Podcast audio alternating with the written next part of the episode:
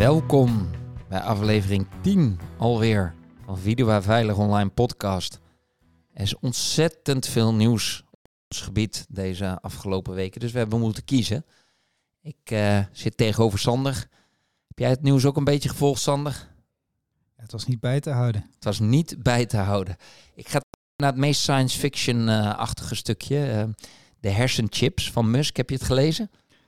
Ja, dat, ja, ja, daar is heel best wel een tijdje mee bezig, toch? Zeker, zeker. En uh, ja, het, het, is natuurlijk vanuit goede bedoelingen van uh, we moeten chips in, uh, in mensen hun hoofden plaatsen. Want nou ja, ik weet niet of waarom? het. Nou ja, waarom? Omdat ze verlamd zijn of omdat ze niet kunnen horen of dat soort zaken. maar je introduceert natuurlijk ook een stukje ja, een, een, een, een, eigenlijk een API, een, een, een poort op je, op je hersenen waarmee je dus allerlei dingen kan gaan doen. Ja, dat lijkt me voor uh, online authenticatie super handig. Dan heb je die knowledge factor die, uh, die je moet hebben, zo'n uh, zo'n wachtwoord of een pincode, dan kun je gewoon direct uitlezen. Ja, dat, inderdaad. Maar is het dan bezit of... of hè, want ja, zit pin... biometrie misschien. Dus ja, maar ja. zit het dan in je hoofd? Want je zou het ook kunnen sniffen dus.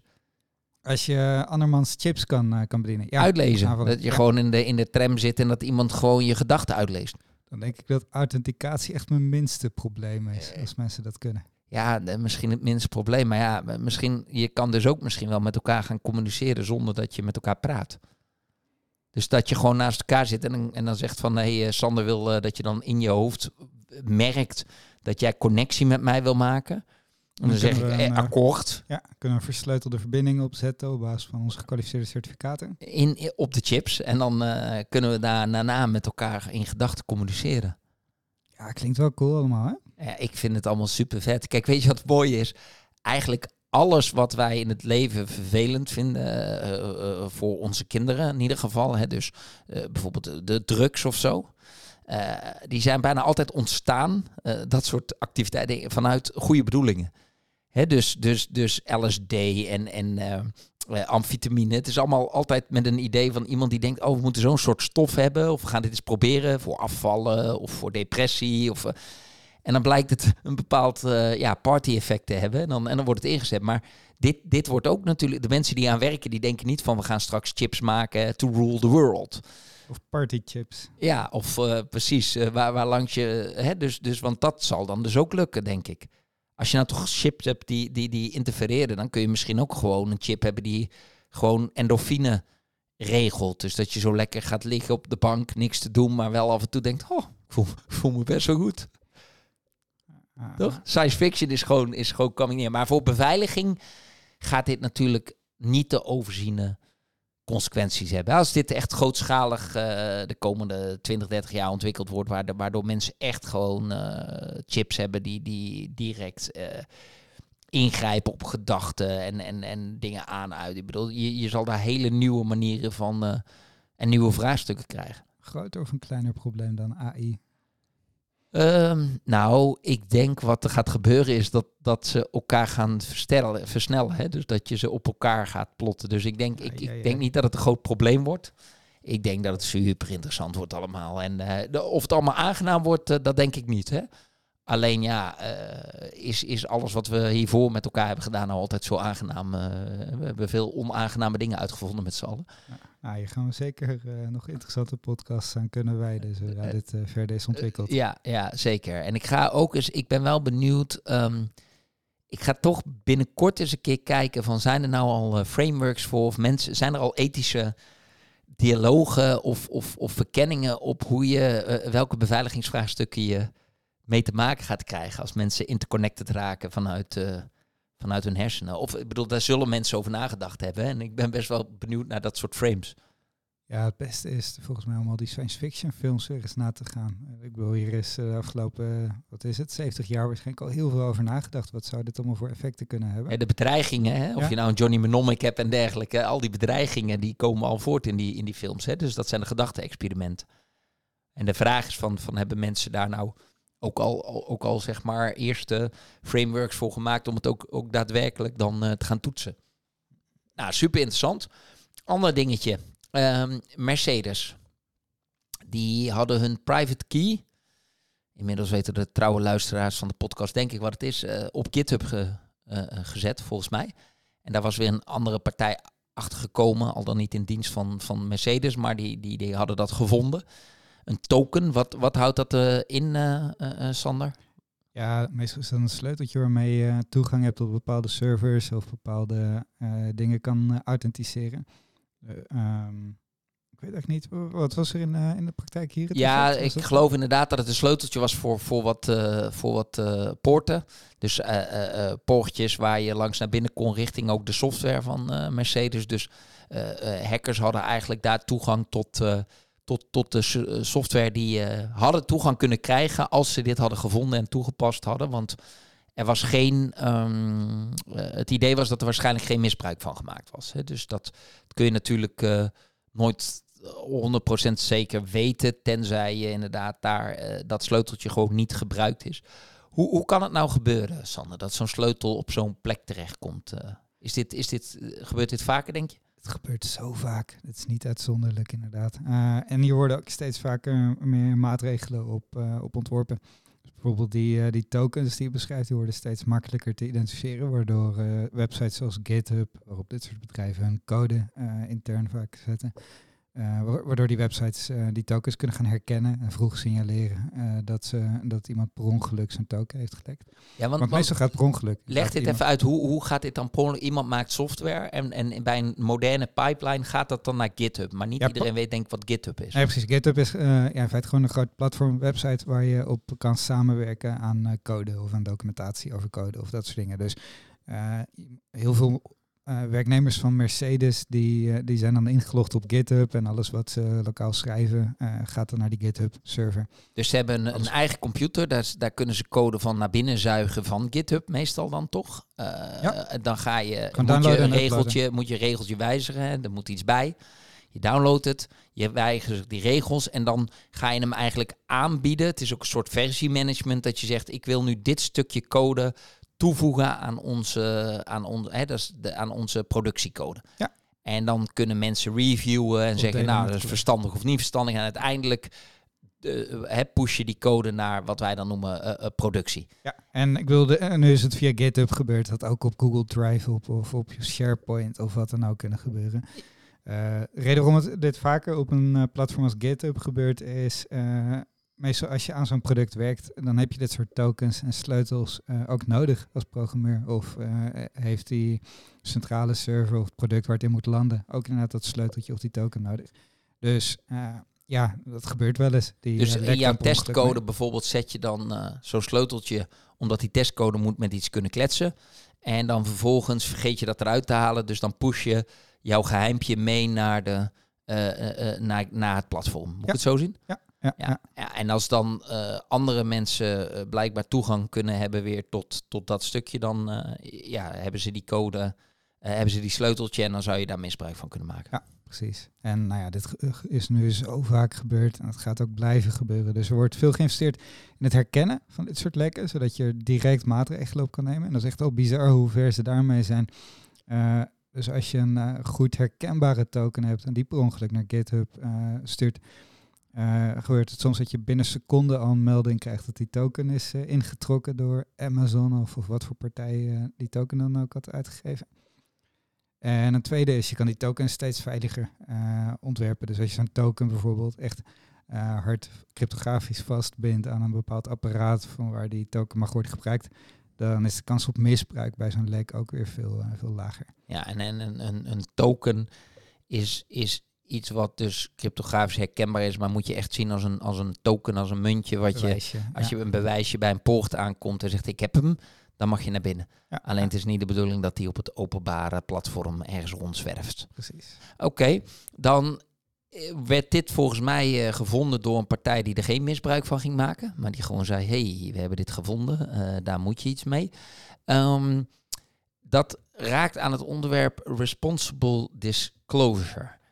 Daar hebben we het ooit al eens een keer iets over genoemd. Maar kun je nog één keer uitleggen, Sander, wat is responsible disclosure? Ja, responsible disclosure is, is een, uh, zou kunnen zien als de, samenwerking tussen welwillende hackers en vaak instanties om als zo'n hacker een lek vindt, om dat dan in eerste instantie aan die instantie te melden.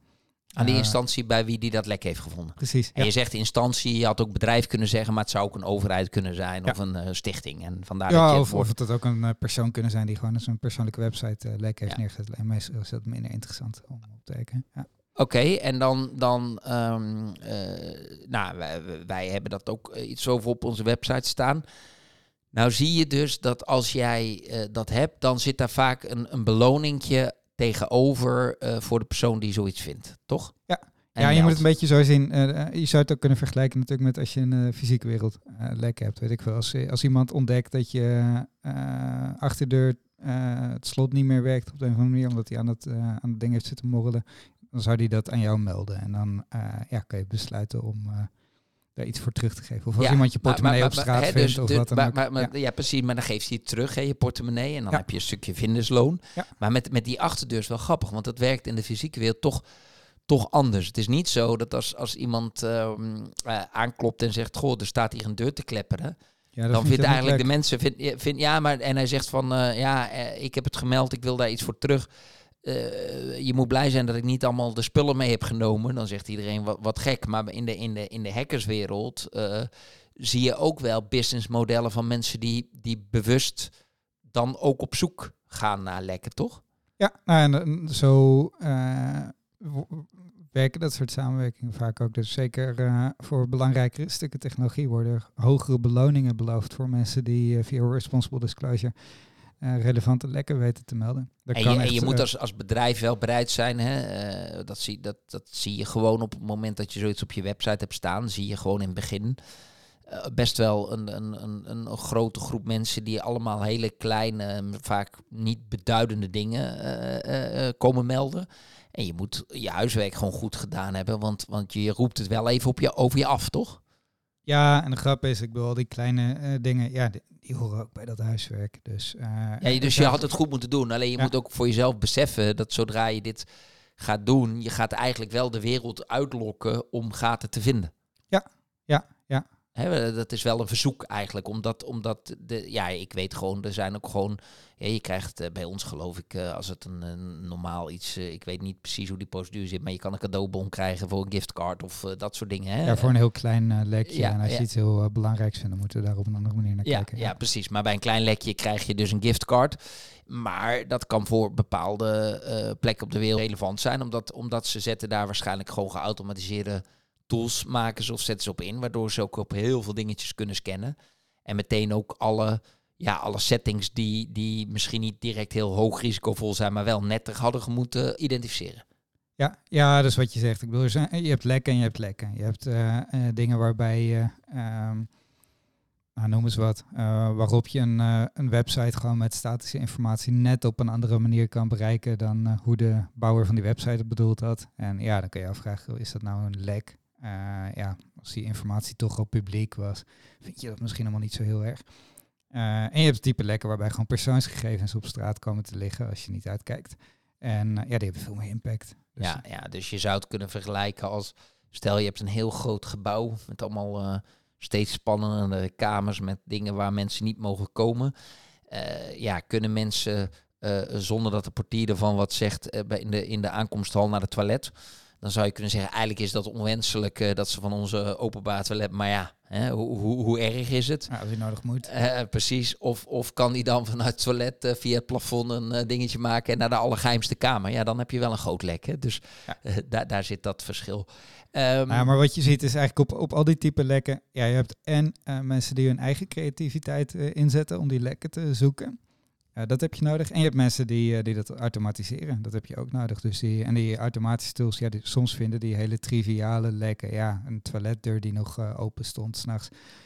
Nou ja, goed, moet je ook dichten. Dat is ook Ja. allemaal hygiëne, hy- hygiëne. En soms vinden die met die automatische tools echt de meest obscure manieren om een hele geavanceerde aanval uiteindelijk vorm te geven. Om een hele gebruikersdatabase op straat te gooien. Dus ja, dus het houdt je, je developers ook scherp als je dit, eh, dit hebt. Hè? Want, want die komen erachter dat eigenlijk hadden ze vaak zelf dit soort scans natuurlijk ook kunnen draaien. Ja, en wat je in zo'n open samenwerking met het vertrouwen natuurlijk hoopt, is dat bijvoorbeeld die tools eh, die de welwillende hackers gebruiken om automatisch lekker te winnen, dat uh, organisaties die ook intern gaan inzetten om gewoon by design of, of heel vroeg in het proces al dit soort uh, lekken boven water te halen. Dus daar, daar wordt best wel veel ook samengewerkt in feite aan nou, vaak open source of vrij breed beschikbare tooling voor dit soort dingen. En dan ga je dus aan de ene kant zien dat de mensen die zo'n responsible disclosure doen om een boekenbond te winnen, of ja, in sommige gevallen ook gewoon miljoenen beloning te krijgen, um, ja, die, uh, die gebruiken die tools. Maar diezelfde tools zijn natuurlijk ook uh, beschikbaar voor de, uh, voor de security onderzoekers die daadwerkelijk worden ingehuurd om dit te vinden. Het zijn vaak dezelfde tools die, die worden gebruikt. Maar zouden bedrijven ook intern kunnen gebruiken om al vroeg in het proces ja, om hun, dingen te komen. hun eigen huiswerk goed te doen. Ja, toch? Ja, ja.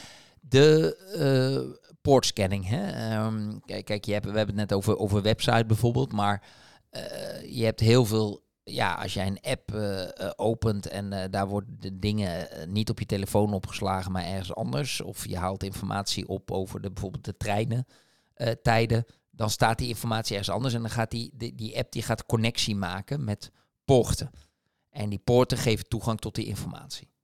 Ja, ja, ja. En zo werkt eigenlijk heel veel moderne software, toch? Er staat ergens een computer goed beveiligd, die is verbonden aan het internet en die heeft een poort.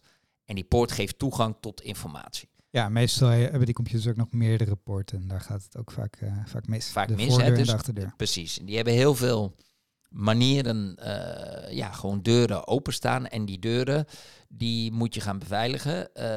want wat gebeurt er bij poortscanning? Ja, bij poortscanning ga je meestal geautomatiseerd gewoon één voor één de mogelijke deuren bij, bij zo'n server af. En je gaat ook, hè, ik noem het vaak ook het praatje met de portier. Je, je, loopt even, zegt, god, het wordt wel druk hè, vanavond hier. En dan zegt hij, ja, ja, er komt een delegatie. Oh ja, is dat van de ambassade? Nee, nee, dat is van Buitenlandse Zaak. En zo probeer je eigenlijk een praatje te maken met een poort om te informatie te krijgen. Ja, en je hebt meerdere strategieën. Je kan, uh, je kan die portier aanspreken en uh, op die manier uh, achter informatie komen. Je kan gewoon op de deur kloppen, kijken of er iemand aan de andere kant wat roept. Dan heb je ook al wat informatie. je kan aan de deur morrelen als er geen portier voor, voor staat. ja, en kijken en, of hij open gaat. Precies. En, en soms dan gaat er in één keer een poort open. En dan kun je een stapje verder, want vaak kom je dan nog in een aankomsthal en dan zit er nog een hal. Maar dan kun je zo proberen om weer de volgende deuren te gaan proberen, toch? Zo, zo ja, dat precies. En dan leer je eigenlijk steeds meer over, nou ja, over die server of over het achterliggende interne netwerk. Uh, waarmee je uh, nou, steeds dichter bij uh, bijvoorbeeld persoonsgegevens komt die ja. je zou kunnen gebruiken. En wat je nou vaak ziet is dat, dat wat er gebeurt is Um, bepaalde systemen uh, zijn dus, uh, hebben bepaalde kwetsbaarheden. En door goede poort scannen kun je ook weer daarachter komen of partijen die systemen gebruiken. Dus dan heb je weer kennis over achterdeurtjes van bepaalde software. En dan ga je tegen zo'n poort en dan ga je proberen achter te komen of ze die software draaien, omdat je dan weer een stapje verder komt. Ja, ja, en, precies. Ja, en dan heb je de echte de low-level port scanning. Dan ga je gewoon allemaal nummertjes af. En uh, ja, er zijn allemaal conventies over welke nummertjes voor welke protocollen uh, vaak worden gebruikt.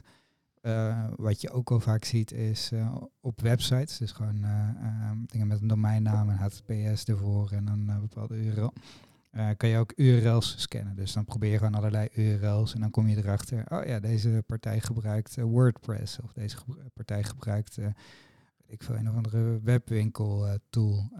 en als je dan kwetsbaarheden in dat systeem kent, dan kan je weer verder gaan zoeken. Dus het is telkens een beetje een manier om te ja, ontdekken wat er allemaal bij die andere partij uh, speelt en wat je zou kunnen misbruiken. Ja, en, en er is eigenlijk heel veel equipment op de markt of te krijgen die gewoon dit soort sporten automatisch gaan kan gaan scannen.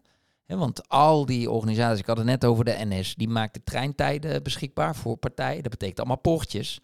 En uh, ja, je, je kan gewoon een tool hebben die, die, die beginnen NS maar ook alle banken afgaat en alle partijen, uh, iedereen die software maakt. De, de organisaties. En het werkt ook andersom. Dus ik, eh, eh, het is me ooit ook wel eens gebeurd dat bijvoorbeeld eh, een aanvaller mijn eh, huismodem heeft eh, gescand, daar een lek in heeft gevonden en daar dan iets eh, in mijn thuisnetwerk eh, mee kon. Ja, en jij bent iemand, bij, bij ons gebeurt dat ook, maar wij merken het niet op. En jij, jij Ja, komt is- daar nog achter, of niet? Ja, of dan krijg je een e-mailtje van je provider opgegeven. We merken veel eh, misbruik vanaf eh, dit, eh, dit thuisadres. En we denken niet dat jij datzelfde bent. Dus waarschijnlijk is er iemand bij je ingebroken digitaal. Ja, en dan zat er een kwetsbaarheid in je modem. Bijvoorbeeld. Ja. Ja. En dus de men, configuratie. partijen kunnen gewoon, maar dus al die poortjes, iedereen heeft dus poorten richting het internet. Daar Ja, kun je eigenlijk als je op het internet scannen. zit dan, met een computer, dan, dan, heeft die, dan gebruikt hij poorten. En Ja. die staan soms open, soms dicht. En, en, en die scanning die gebeurt dan voortdurend, dat zijn dus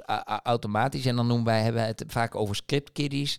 Dat zijn vaak niet eh, zeer, eh, nog niet zeer eh, volwassen, hele slimme, eh, misschien wel heel slim, maar nog niet eh, zwaar ontwikkelde eh, hackers die de hele dag de tijd hebben om een heel moeilijk systeem te kraken.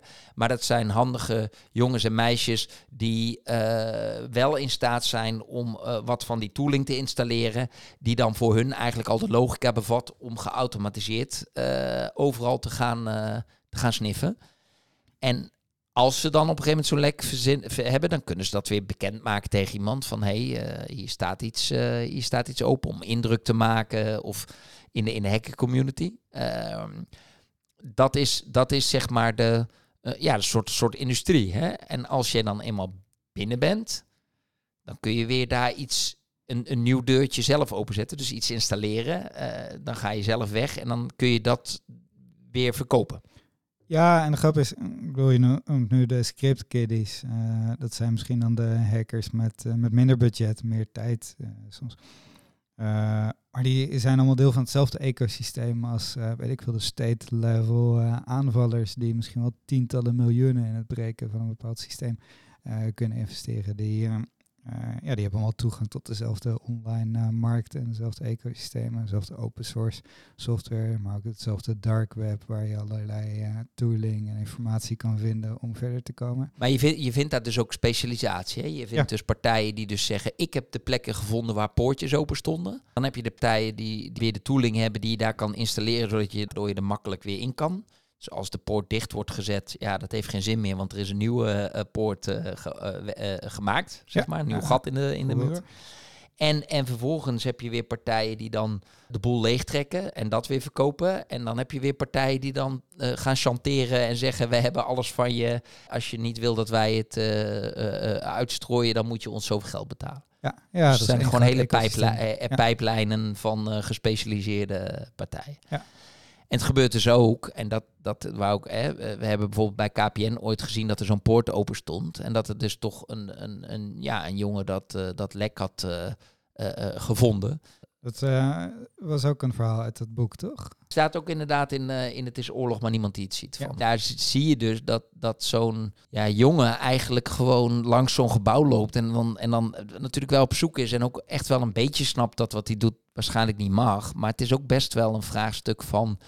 ehm, ja, best wel heftig als je leest. Hè, die jongen die, die heeft volgens mij zelf op, zelfmoord gepleegd. eh, eh, omdat hij, die, die kreeg volgens mij zelfs gevangenisstraf. Gewoon omdat hij omdat hij ingebroken had ergens. Maar ja, aan de andere kant had, had KPN ook niet helemaal zijn huiswerk gedaan. daar. Nee, ja. Ja, het is natuurlijk een heel grijs gebied. Eh, altijd, wanneer mag je aan die deur morrelen of met de portier praten? Of als zo'n deur dan wijd open staat, eens naar binnen lopen om te kijken wat je vindt. Ja. En wanneer wordt het ook echt inbreuk? En wanneer is die inbreuk, eh, eh, nou ja, eh, proportioneel is het, is het oké. eh, zeker als je die risico, eh, vervolgens over die risico's een terugmelding doet. En wanneer heeft het ook echt impact en was je een grens overgegaan? Eh, ze zijn er volgens mij best wel hard in gaan zitten. Ja, en eh, dat is natuurlijk ook, eh, dit soort zaken zijn niet heel goed voor dat vertrouwen tussen de welwillende hackers en de, de instellingen. Ehm, als je reactie op zo'n melding in eerste instantie is om de melder te pakken in plaats van eh, te kijken hoe dat lek is ontstaan. Ehm, ja, dan eh, heeft de volgende melder niet zo'n zin om met je samen te werken. Die, die zal zich, eh, die zal het vooral schandalig vinden en denken, goh, kunnen we iets, kunnen iets terugdoen tegen dit bedrijf. En daar zijn ook best wel uh, precedenten van geweest. Dus dat, uh, dat hackers, uh, of nou ja, dat zo'n gemeenschap gewoon heel boos werd op zo'n op zo'n instelling.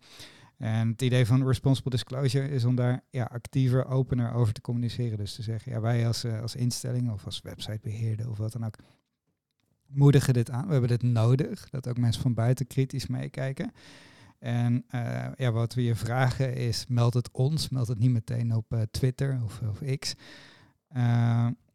Laat het, laat het ons weten. Wij zullen je ook, uh, nou ja, jouzelf belonen. En als je wil, kunnen we jou ook uh, even in de schijnwerpers zetten. Dus kunnen we je ook uh, bedanken. ja, bedanken. En erkennen dat jij hebt geholpen om dit systeem veiliger te maken. Daarmee het internet ook veiliger te maken weer voor andere gebruikers. Ik snap ergens ook wel dat, hè, kijk, als iemand inbreekt en niet meldt, hè, maar gewoon de show van kijk, ik ben bij een grote provider binnen en zie mij eens Kijk, dus ik vind ook niet dat je dan volledig tussen aanhalingstekens niet aangesproken mag worden op je, op, op je stappen. Uh, maar de proportionaliteit uh, is, is vaak, hè, hoe hard moet je dan iemand aanpakken die dan uh, binnen is gegaan. kijk, en iedereen zal dan natuurlijk zeggen, ja, maar hij was bezig om iets voor te bereiden om daarna wel heel KPN plat te gooien. Dat kan. Maar dan moet je ook gewoon natuurlijk aan KPN vragen, goh, maar hoe heeft u eigenlijk uw klanten zo uh, kwetsbaar. kwetsbaar. kunnen maken. Hè? Dus dat vind ik dan de, ik bedoel, de, andere kant van de medaille is dan ook dat je, dat je best wel uh, als KPN dan diep door het stof mag gaan. Dat je zegt, goh, blijkbaar was het zo fragiel. Hè? Uh, dat het zo groot en ellendig had kunnen worden. Prima. maar jij belooft mij in, in ruil voor elke centjes, elke maand die je afstort naar zo'n provider, dat je de boel een beetje veilig houdt. Hè? Dus de, ik vind dan wel, dan moet je wel eh, langs twee kanten dezelfde strengheid uh, hanteren. Ja, je ziet het. dus inmiddels heeft KPN gewoon een heel mooi responsible disclosure beleid. En communiceren ze daar actief over. En steeds meer organisaties doen dat. Daar ontstaan ook best wel veel best practices over hoe je dat open naar elkaar communiceert. En dan heb je op een gegeven moment ook veel minder nodig dat je elkaar streng op zijn plek zet. Je ziet ook dat we hier met elkaar geleerd hebben. Maar het is goed dat jij inderdaad nog even meldt dat de KPN hier blijkbaar inderdaad ook uh, uh, grote stappen heeft gemaakt. Oké, nou ja, dat dus over responsible disclosures.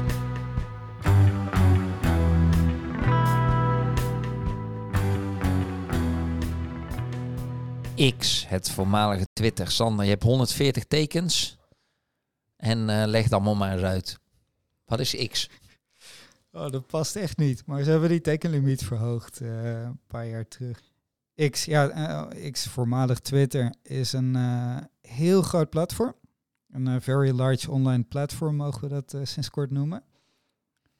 Waarop je, kan, waarop je korte berichtjes kan publiceren. Vanuit een account dat je daar registreert. Korte berichtjes, daar kan een fotootje en een filmpje bij, toch? Ja, ja, laatste jaar kan er een foto en een filmpje bij. Maar het begon uh, ooit lang geleden met uh, sms'jes. Dus je kon iets naar Twitter sms'en of, uh, of via een webformuliertje invullen. En dan kan het op de telefoons van je volgers. En dan kon je dus, wat volgens mij heel populair was, dat je live verslag van iets kon doen. Ja, dat was op een gegeven moment een hele interessante use case. Dus het um, platform begon een beetje met, ja, waar ben jij nu mee bezig en wat wil je delen? Uh, dat was een beetje de tijd van uh, eh, MSN en ICQ en zo, weet je wel. Dat je dan uh, in je status zei wat je bezig hield of welke muziek je aan het luisteren was of dat soort dingen. Maar ja, op een gegeven moment, zeker rond politieke dingen of, of events, belangrijke dingen aan misschien aan de andere kant van de wereld, was een hele interessante manier om snel op de hoogte te zijn van wat, wat er daar gebeurde. Een dus live ticker, toch? Een live ticket. Dus iemand is wel bij een sportwedstrijd, jij niet. En dan kan hij zeggen van dit is gebeurd en dat is gebeurd. Ja, precies. Sportwedstrijd of een demonstratie of een uh, ramp. Oh ja, ramp, ja. hey, en uh, het is, uh, ik heb altijd het grapje, hoe haal je iets van Twitter? Hè? Als iemand dan zegt, ik moet geheim blijven, dan zeg ik oei. Maar um, Van Huffelen, die is mee gestopt. Ja, de maat is vol. De maat is vol voor mevrouw Van Huffelen. En waarom? Ja, ik snap dat wel. Dus uh, wat, uh, wat ze aangaf was uh, dat er te weinig blijk is nu vanuit Twitter of X dat ze zich aan de Europese wetgeving willen houden. En ja, ook als je naar de publieke waarden hier in Nederland kijkt, kun je ook afvragen of eh, het bestuur van Twitter voor eh, nu X eh, daar nou eh, op, op een juiste manier invulling aan geeft. En dat hoeft op zich niet erg te zijn voor een website. Ik bedoel, je hebt heel veel eh, radicale websites of websites waar eh, van alles wordt, eh, wordt geroepen. Maar Twitter, tegenwoordig X, heeft best wel een grote maatschappelijke functie in sommige domeinen gekregen. Ja, en, en dan zie je dus dat ze eigenlijk vooral niet willen modereren, toch? Dat is eigenlijk waar het grote conflict is. Hè? Dus ze willen niet. Ja, en da- daar daar zit nu eh, best een eh, wel eens niet eens spel natuurlijk. Dus Europa heeft in feite hogere eisen gesteld nu aan het modereren van, van X. Omdat het zo'n very large online platform is. En Zie jij risico's in dat modereren? Of is dat ook. eh, hè? Dus dat, dat ook. Ja, zijn enorme risico's. En wat, wat Musk heeft gedaan, een van de eerste dingen, is heel veel van die moderators ontslagen. Ja, maar zie je ook een risico in het modereren zelf? Dat je dus gedwongen wordt, wordt door de Unie om vooral onwelwillige eh, eh, eh, staatskritiek af te halen. Ja, dat is een andersom ook. je kan ook overmodereren en censureren. Ja, Ja, want, want dat is natuurlijk het gelegenheidsargument of het echte principiële argument van Musk. Die zegt vrijheid van meningsuiting. Ja, en de vraag is als X het platform of het, ja, de publieke ruimte is waarin die vrijheid moet worden kunnen gebruikt, eh, wordt die dan ook als publieke ruimte bestuurd of toch vooral als corporate ruimte waar bepaalde aandeelhoudersbelangen en adverteerdersbelangen vooral opeens staan? Dat Ja. is de grote vraag daar. En toen zei jij tegen mij ook van ja, maar wij moeten eh, vanuit onze podcast, als wij, als wij uit die driecijferige luisteraars willen, hè, dus dat, dat we, of wat zijn het, drie, ja, driecijferige aantallen, en we willen echt groot worden, dan moeten wij ook op een social platform. Ja, Nou, moeten toen we meedoen. moeten we meedoen. Toen zei ik ja, Instagram is voor mij echt, eh, is echt eh, ik als particulier. LinkedIn, dat doen we dan. Nou, het is ook heel, heel zaak. Maar dat is niet dat je daar inderdaad heel de tijd van dit soort eh, nieuwtjes of eh, een levende community opbouwt. Dus toen, toen bleven we, en dan hadden we Threads, dat is dan ook van Insta. Heb je eh, X, eh, Mastodon en, en eh, nog een die had je. Blue Sky heb je. En je hebt nog heel veel, eh, heel veel kleinere sitejes. En ook, eh, ja, ook wel een beweging om, eh, om het gewoon allemaal maar zelf eh, te hosten. Ja, en toen zei hij tegen mij, nou, je moet het proberen. Ik had ooit al Twitter, ik heb geloof ik ook een account geprobeerd, dus X kende ik al een beetje. Maar ja, daar zitten we dus met het vraagstuk dat, eh, ja, als mevrouw van Huffelen niet op zit, wat doen wij er dan? En Dat weet ik ook niet meer. dat, dat, dat, maar toen ging ik op, op threads kijken, daar werd ik niet vrolijk van. Nee? Nee, nee, daar werd ik, dat, nee, nee, ik werd daar, eh, ik snapte er. Ik heb uiteindelijk de instellingen zo gekregen dat ik, dat ik niet volledig ehm, alle, alle hoop en vertrouwen in onze samenleving verloor.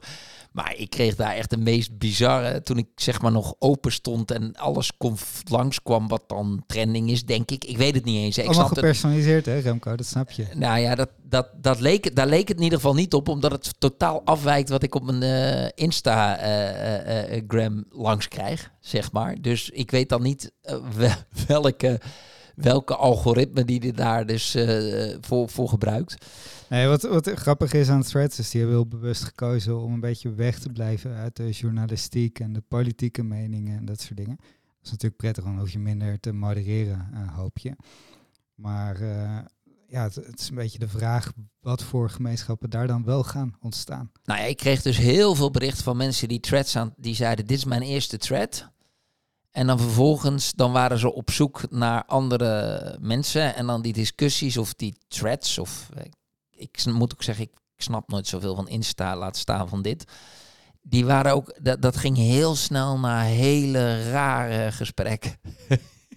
dus ik dacht echt, eh, ja, ik, ik kan hier niks mee. Dus toen heb ik inderdaad op jouw advies volgens mij nog wat instellingen gewijzigd, waardoor het niet een soort openbaar, waar ik door niet in de openbare space, maar meer op mij gepersonaliseerd. En toen kreeg ik wel weer eh, eh, sport, eh, natuurfoto's, allemaal dat soort eh, zooi. Wat, je veilige online bubbel. wat mijn onveilige bu- veilige online bubbel kwam ik weer terecht.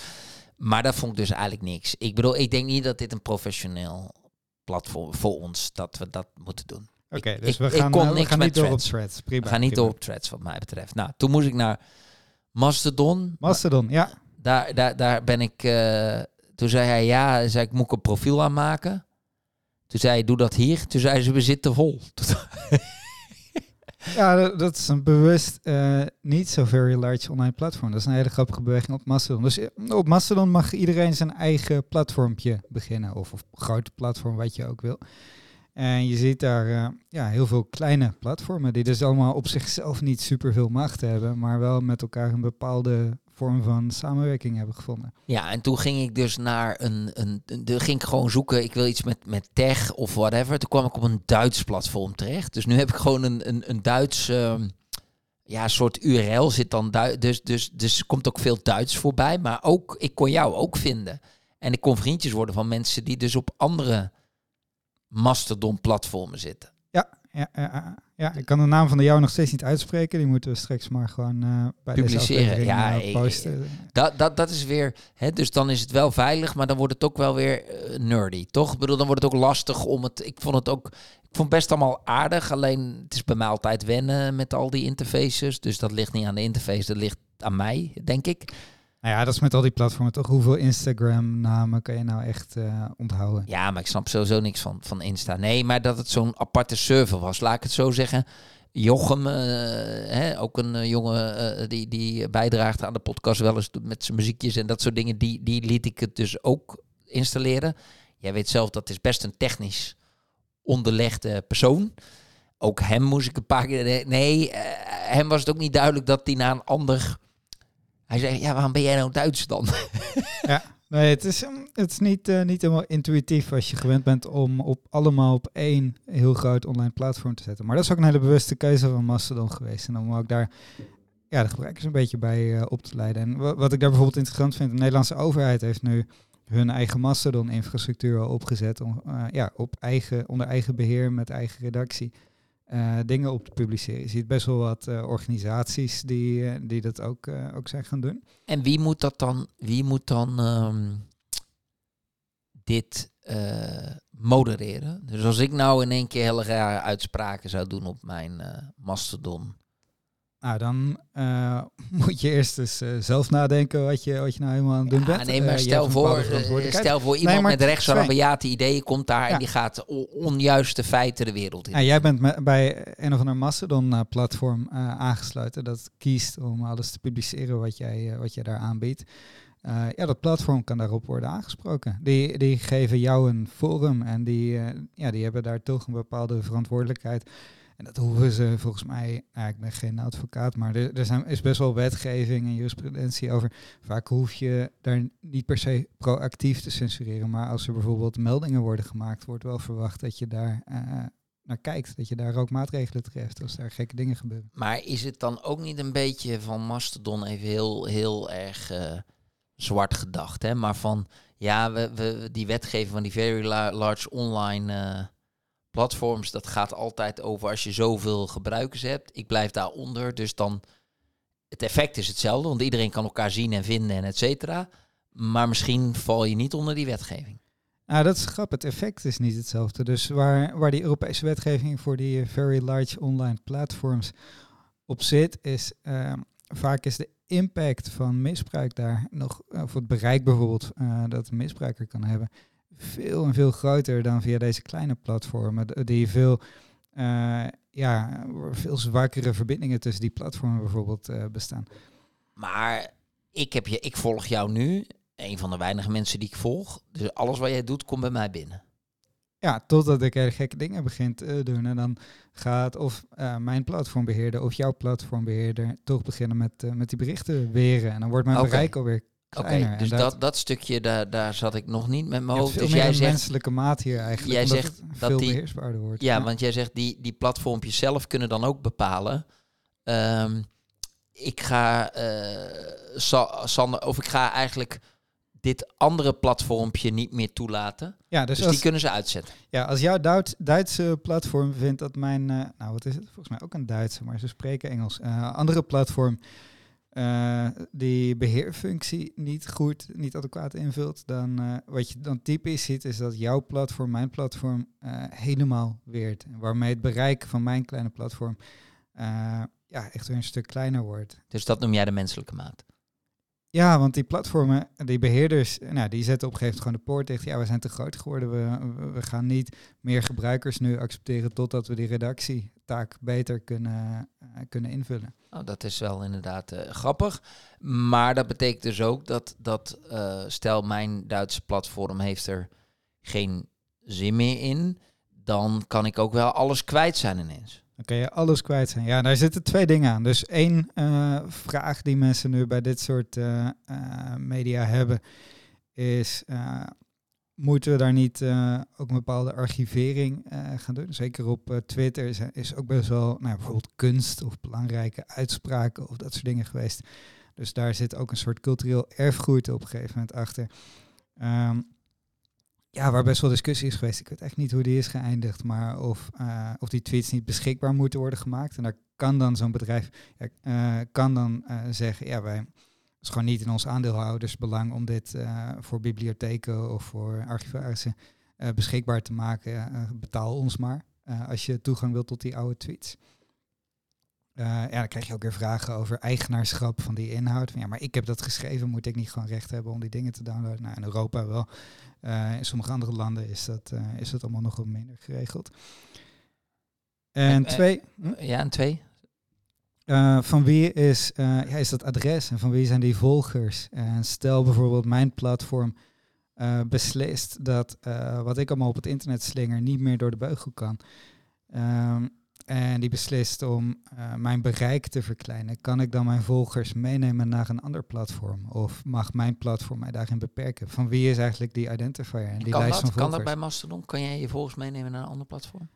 Bij uh, Mastodon, als mijn platform meewerkt, uh, kan ik ze meenemen. Als mijn platform dat niet doet, bijvoorbeeld omdat ze besluiten om, nou, om mij volledig te censureren, dan kan ik ook niet zomaar door naar een ander platform. Dan moet ik daar echt een ander kanaal voor aanboren om tegen mijn volgers te zeggen, ja, vanaf nu moet je me daar uh, volgen. En die kunnen ook niet zonder meer controleren of ik dezelfde ben of dat ik vooral iemand ben die zich voordoet als uh, Sander. Oké, dus het is wel een, uh, het is decentraal, dat maakt het de impact kleiner en, en ook dingen beheersbaarder. Aan de andere kant, als je toevallig bij een, hé, ik heb nu gewoon willekeurig een Duitse partij en het zag er fatsoenlijk uit. Dus ik heb dat dan gekozen. En je hebt een app die is centraal volgens mij, waar je alles eh, onafhankelijk van je platform uh, mee naar kijk, kan kijken. Ja, dus iedereen heeft eigenlijk praktisch dezelfde gebruikerservaring, maar die, dat platform kan totaal ergens anders Ja, zitten. en stel daar zitten een aantal uh, boefjes die denken, oh, we gaan Remco eens even narren. En we gaan zijn, al zijn wijze uitspraken van 140 tekens die hij de wereld heeft die gaan we op een gegeven moment hem afnemen en dan knijpen we hem af en dan uh, richten we hem zo. Dat, dan kan dat. Ja, dan kan dat. Ja. ja. en dat zal je niet, ja, nou ja, bij Musk tegenwoordig weet je het ook niet meer. Hè. Maar ik wou zeggen, bij een, bij een veel grotere organisatie verwacht je dat dat minder. Nou, wat grappig is bij Musk, tenminste waar hij nu van wordt beschuldigd en wat sommige mensen ook uh, beweegt om van, uh, van X af te stappen is soms heeft hij gewoon persoonlijk iets tegen iemand. Hij als, uh, als uh, groot aandeelhouder. Als, als groot moderator. Ja, of uh, heeft hij iets tegen een bepaalde krant die een negatieve publicatie over hem heeft gemaakt. En ja, dan heeft hij nu de macht om die organisatie of die persoon af te knijpen. En dat, daar maakt hij ook gebruik van soms. Ja, dat is wel ernstig, ja. Um, Oké. Nou, wat dan interessant is, dus Mastodon heeft een bepaalde mate van decentralisatie gemaakt om uh, met een, uh, nou ik noem het wat meer menselijke maat die moderatie in te kunnen vullen.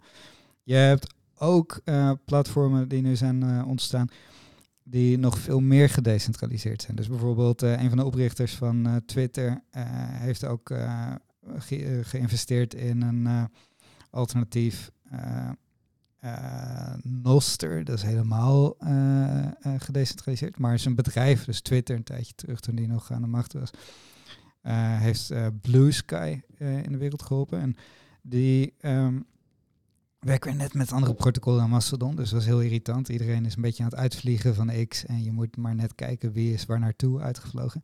Wat Blue Sky doet is jouw adres en jouw volgers echt uh, in jouw eigen beheer uh, laten. Dus daar uh, kan de website en de app Blue Sky nog best wel modereren in wat hij wel en niet toelaat. Maar als jij daarvan af wil stappen naar een ander platform wil, dan kan je aantoonbaar maken dat jij bent overgestapt, ook als Blue Sky niet meer meewerkt.